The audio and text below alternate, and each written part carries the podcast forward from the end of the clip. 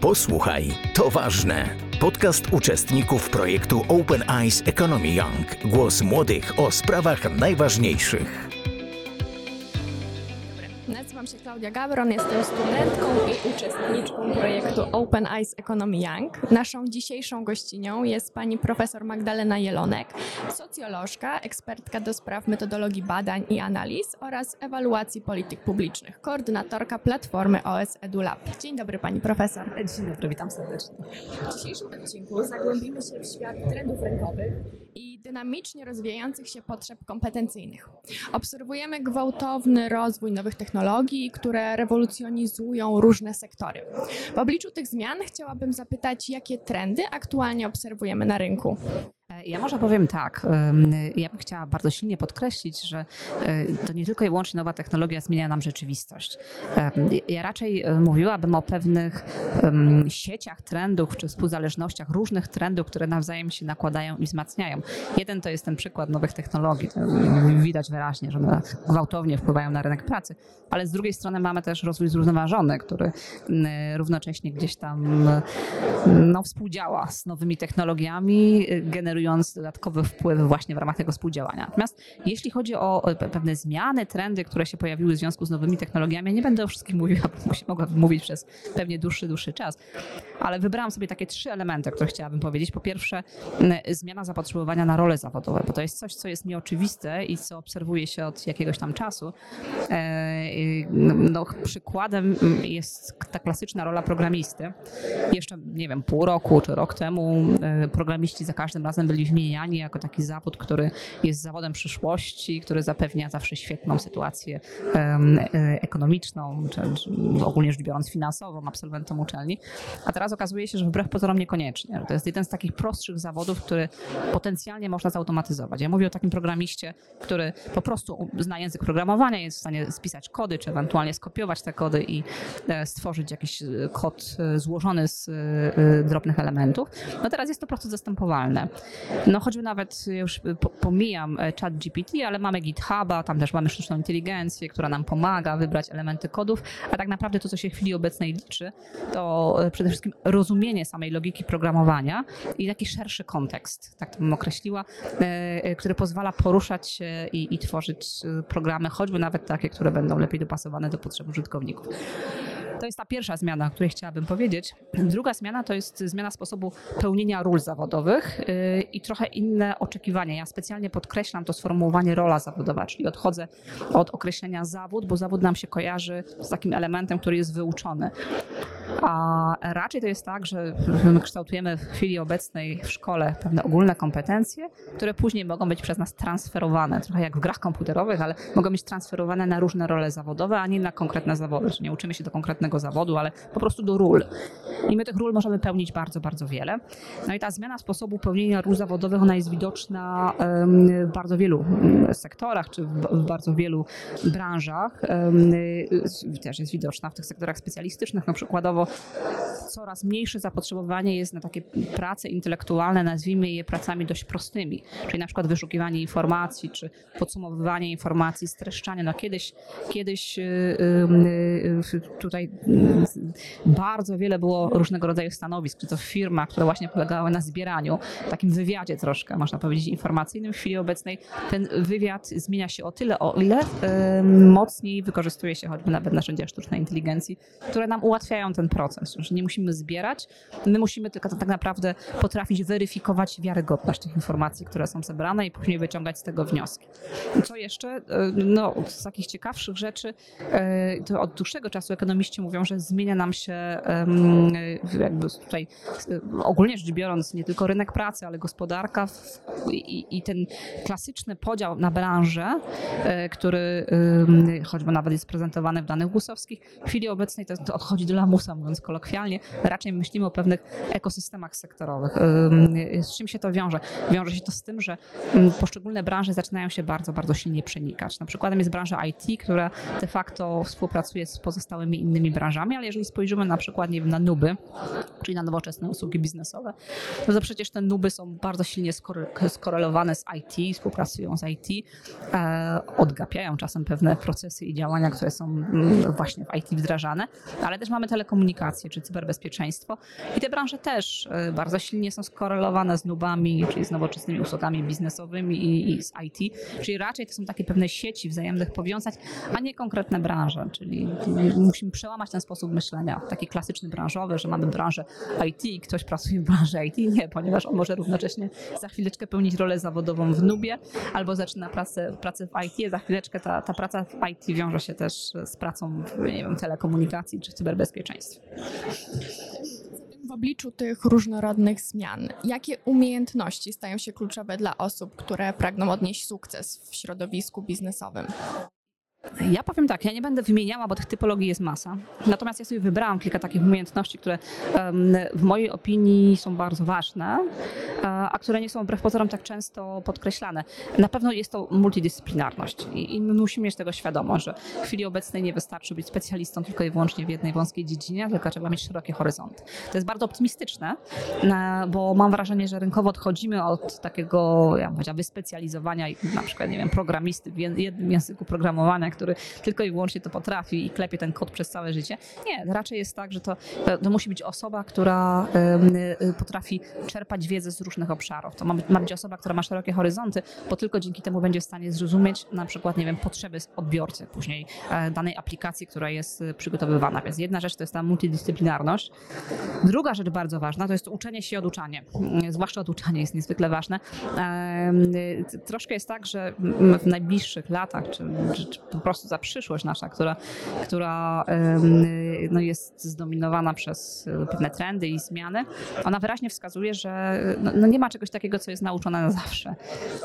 To raczej jest tak, że możemy się nauczyć pewnych umiejętności bazowych, pewnych, pewne kompetencje jakby kluczowe możemy nabyć, natomiast równocześnie musimy starać się, potrafić w pewnym momencie powiedzieć, że ok, coś, czego nauczyliśmy się w chwili obecnej już nie jest aktualne i przeskakujemy dalej. E, to, to oduczanie się jest ważne, zwłaszcza w kontekście sposobu myślenia, bo my często myślimy schematami. E, nie wiem, pracując w biznesie na jakimś danym stanowisku rok czy dwa lata, zaczynamy e, sami automatyzować pewne działania, co nam oczywiście ułatwia pracę i zwiększa naszą skuteczność, ale niejednokrotnie tak naprawdę ważną kompetencją jest to, żebyśmy ten nasz schematyzm wrodzony byli w stanie przełamać. Dalej rozumienie danych. Ja specjalnie podkreślam, że nie chodzi o analizę danych, bo niejednokrotnie w raportach mówi się, że tą kompetencją przyszłości jest, nie wiem, analiza danych. Nie, rozumienie danych.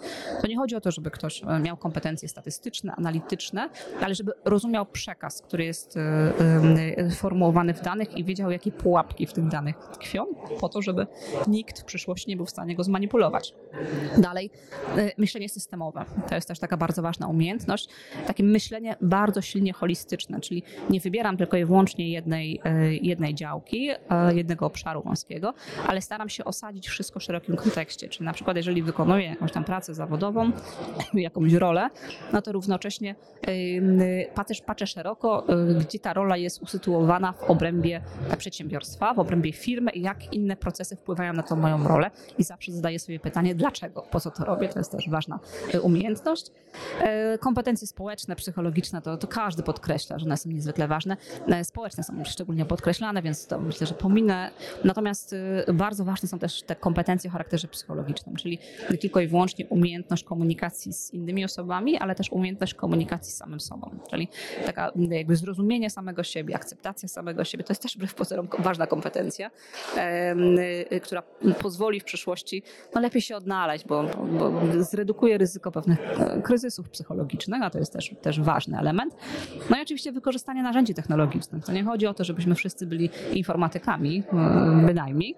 Natomiast chodzi o to, żebyśmy byli w stanie w przyszłości wykorzystać e, te narzędzia, e, które w chwili obecnej są dostępne. Żebyśmy byli w stanie wykorzystać je dla dobra naszej własnej pracy, nie odgapiając tych produktów, które są przez choćby nawet sztuczną inteligencję czy chat GPT wygenerowane, ale żebyśmy byli w stanie je rozumnie wykorzystać, zweryfikować też, bo też trzeba te sądy i te, te informacje zebrane poddać weryfikacji, ale też żebyśmy mieli ukształtowane takie, takie, taką elementarną etykę, tak to może określę, pracy z narzędziami sztucznej inteligencji, która właśnie nie wepchnie nas jako pracowników tą ryzykowną ścieżkę, e, ok, to ja już mogę e, się rozleniwić, bo sztuczna inteligencja wszystko zrobi za mnie.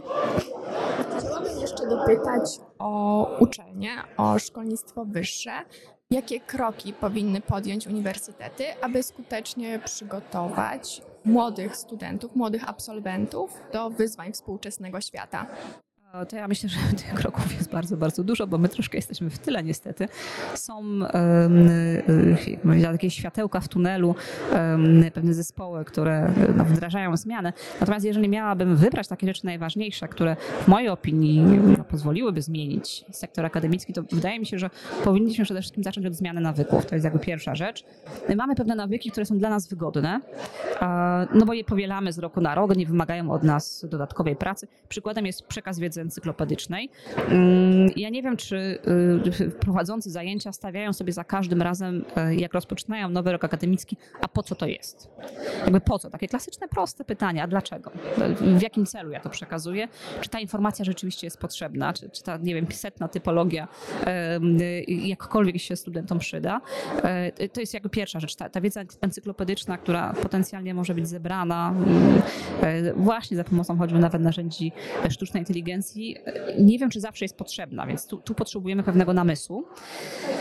Druga rzecz, wydaje mi się też, że powinniśmy zmienić nawyki w patrzeniu w ogóle na kształcenie, bo, bo my myślimy w kategoriach, kategoriami studiów, prawda? Czyli studia wiem, pierwszego stopnia, drugiego stopnia, ewentualnie podyplomowe, a my powinniśmy myśleć w kategoriach mikrokompetencji, czyli y, zdobywania pewnych umie- takich mini cegiewek pod względem umiejętności ukształtowanych. I teraz y, ja bym była wielką fanką ograniczenia takiego maksymalnego liczby godzin e, na studiach, e, tych, tych obowiązkowych zwłaszcza i przedmiotów obowiązkowych i dodania później wolnego wyboru studentom, budowania swoich własnych e, kompetencji, swojego własnego portfolio kompetencyjnego właśnie za pomocą dodatkowych kursów oferowanych w ramach mikrokompetencji. Mam świadomość, że organizacyjnie to jest kosmos dla uczelni i pewnie zaraz rektorzy, zwłaszcza do spraw kształcenia, by mnie zjedli, ale to jest moje, pewne moje marzenie, prawda, żeby się pojawił wolny wybór i jakaś świadomość e, tego, czego ja się chcę nauczyć. Prawda? Mam pewne podstawy, pewne ramy, ale równocześnie ja sobie sama wybieram tę ścieżkę. No to już mówiłam de facto o tym, że powinniśmy się oduczyć tego, jak uczymy. E, to jest ta kompetencja oduczania się. My się nauczyliśmy czegoś e, w oparciu o pracę naszych profesorów i teraz często to powielamy i zastanawiamy się nad tym, czy to ma sens, czy powinniśmy to trochę inaczej robić. Często nie mamy na to czasu, więc to jest jakby kolejny, kolejny element. Selekcja informacji kluczowych to jest też ważna bardzo rzecz. To się wiąże z tą wiedzą encyklopedyczną. Mm, zastanówmy się tak naprawdę, jaki przekaz jest kluczowy w przypadku studentów, a nie przekazujmy setki informacji, które później kompletnie nie będą potrzebne. Skupmy się raczej na dyskusji i, budujmy pewne ramy, takie jak powiedziała, podstawowe. Dalej szersze otwarcie. Ja wiem, że uczelnie się otworzyły od jakiegoś czasu, współpracują z biznesem, część współpracuje z administracją publiczną, ale chyba jeszcze nie przełamały tego myślenia w kategoriach, że my jesteśmy instytucjami edukacyjnymi i my kształcimy. Nie, e, one powinny zacząć myśleć w kategoriach pewnych ekosystemów edukacyjnych, czy takich pewnych, pewnych kółek, w obrębie których są różne podmioty, które mogą coś zaoferować i równocześnie te, które mogą coś wziąć. Um, bo jeśli tego nie przełamiemy tego sposobu myślenia i zaczniemy właśnie myśleć w kategoriach ekosystemów, to, to myślę, że e, przez cały czas będzie pokutować z tyłu głowy właśnie ta, ta idea, no ja jestem instytucją edukacyjną, więc ja kształcę, a inni przychodzą ewentualnie po to, żebym ja ich wykształciła i, i mi za to płacą. No i myślę, że jeszcze ostatnia rzecz, wiem, pewnie już musimy kończyć znając życie, to pozbycie się lęku e, przed sztuczną inteligencją. E, nauczyciele boją się sztucznej inteligencji, nie wszyscy oczywiście, ale większość boi się, e, a tak naprawdę powinni sami wykorzystywać w pracy sztuczną inteligencję i powinni uczyć młode osoby, jak ze sztucznej inteligencji rozumnie korzystać. Raz podkreślę, rozumnie i przede wszystkim etycznie. Zgadzam się. Bardzo dziękuję pani profesor za rozmowę. Naszą dzisiejszą gościnią była pani profesor Magdalena Jelonek, a dzisiejsza rozmowa odbyła się w studio podcastowym w ICE podczas kongresu Open ICE Economy Summit 2023. Bardzo dziękuję. Serdecznie dziękuję.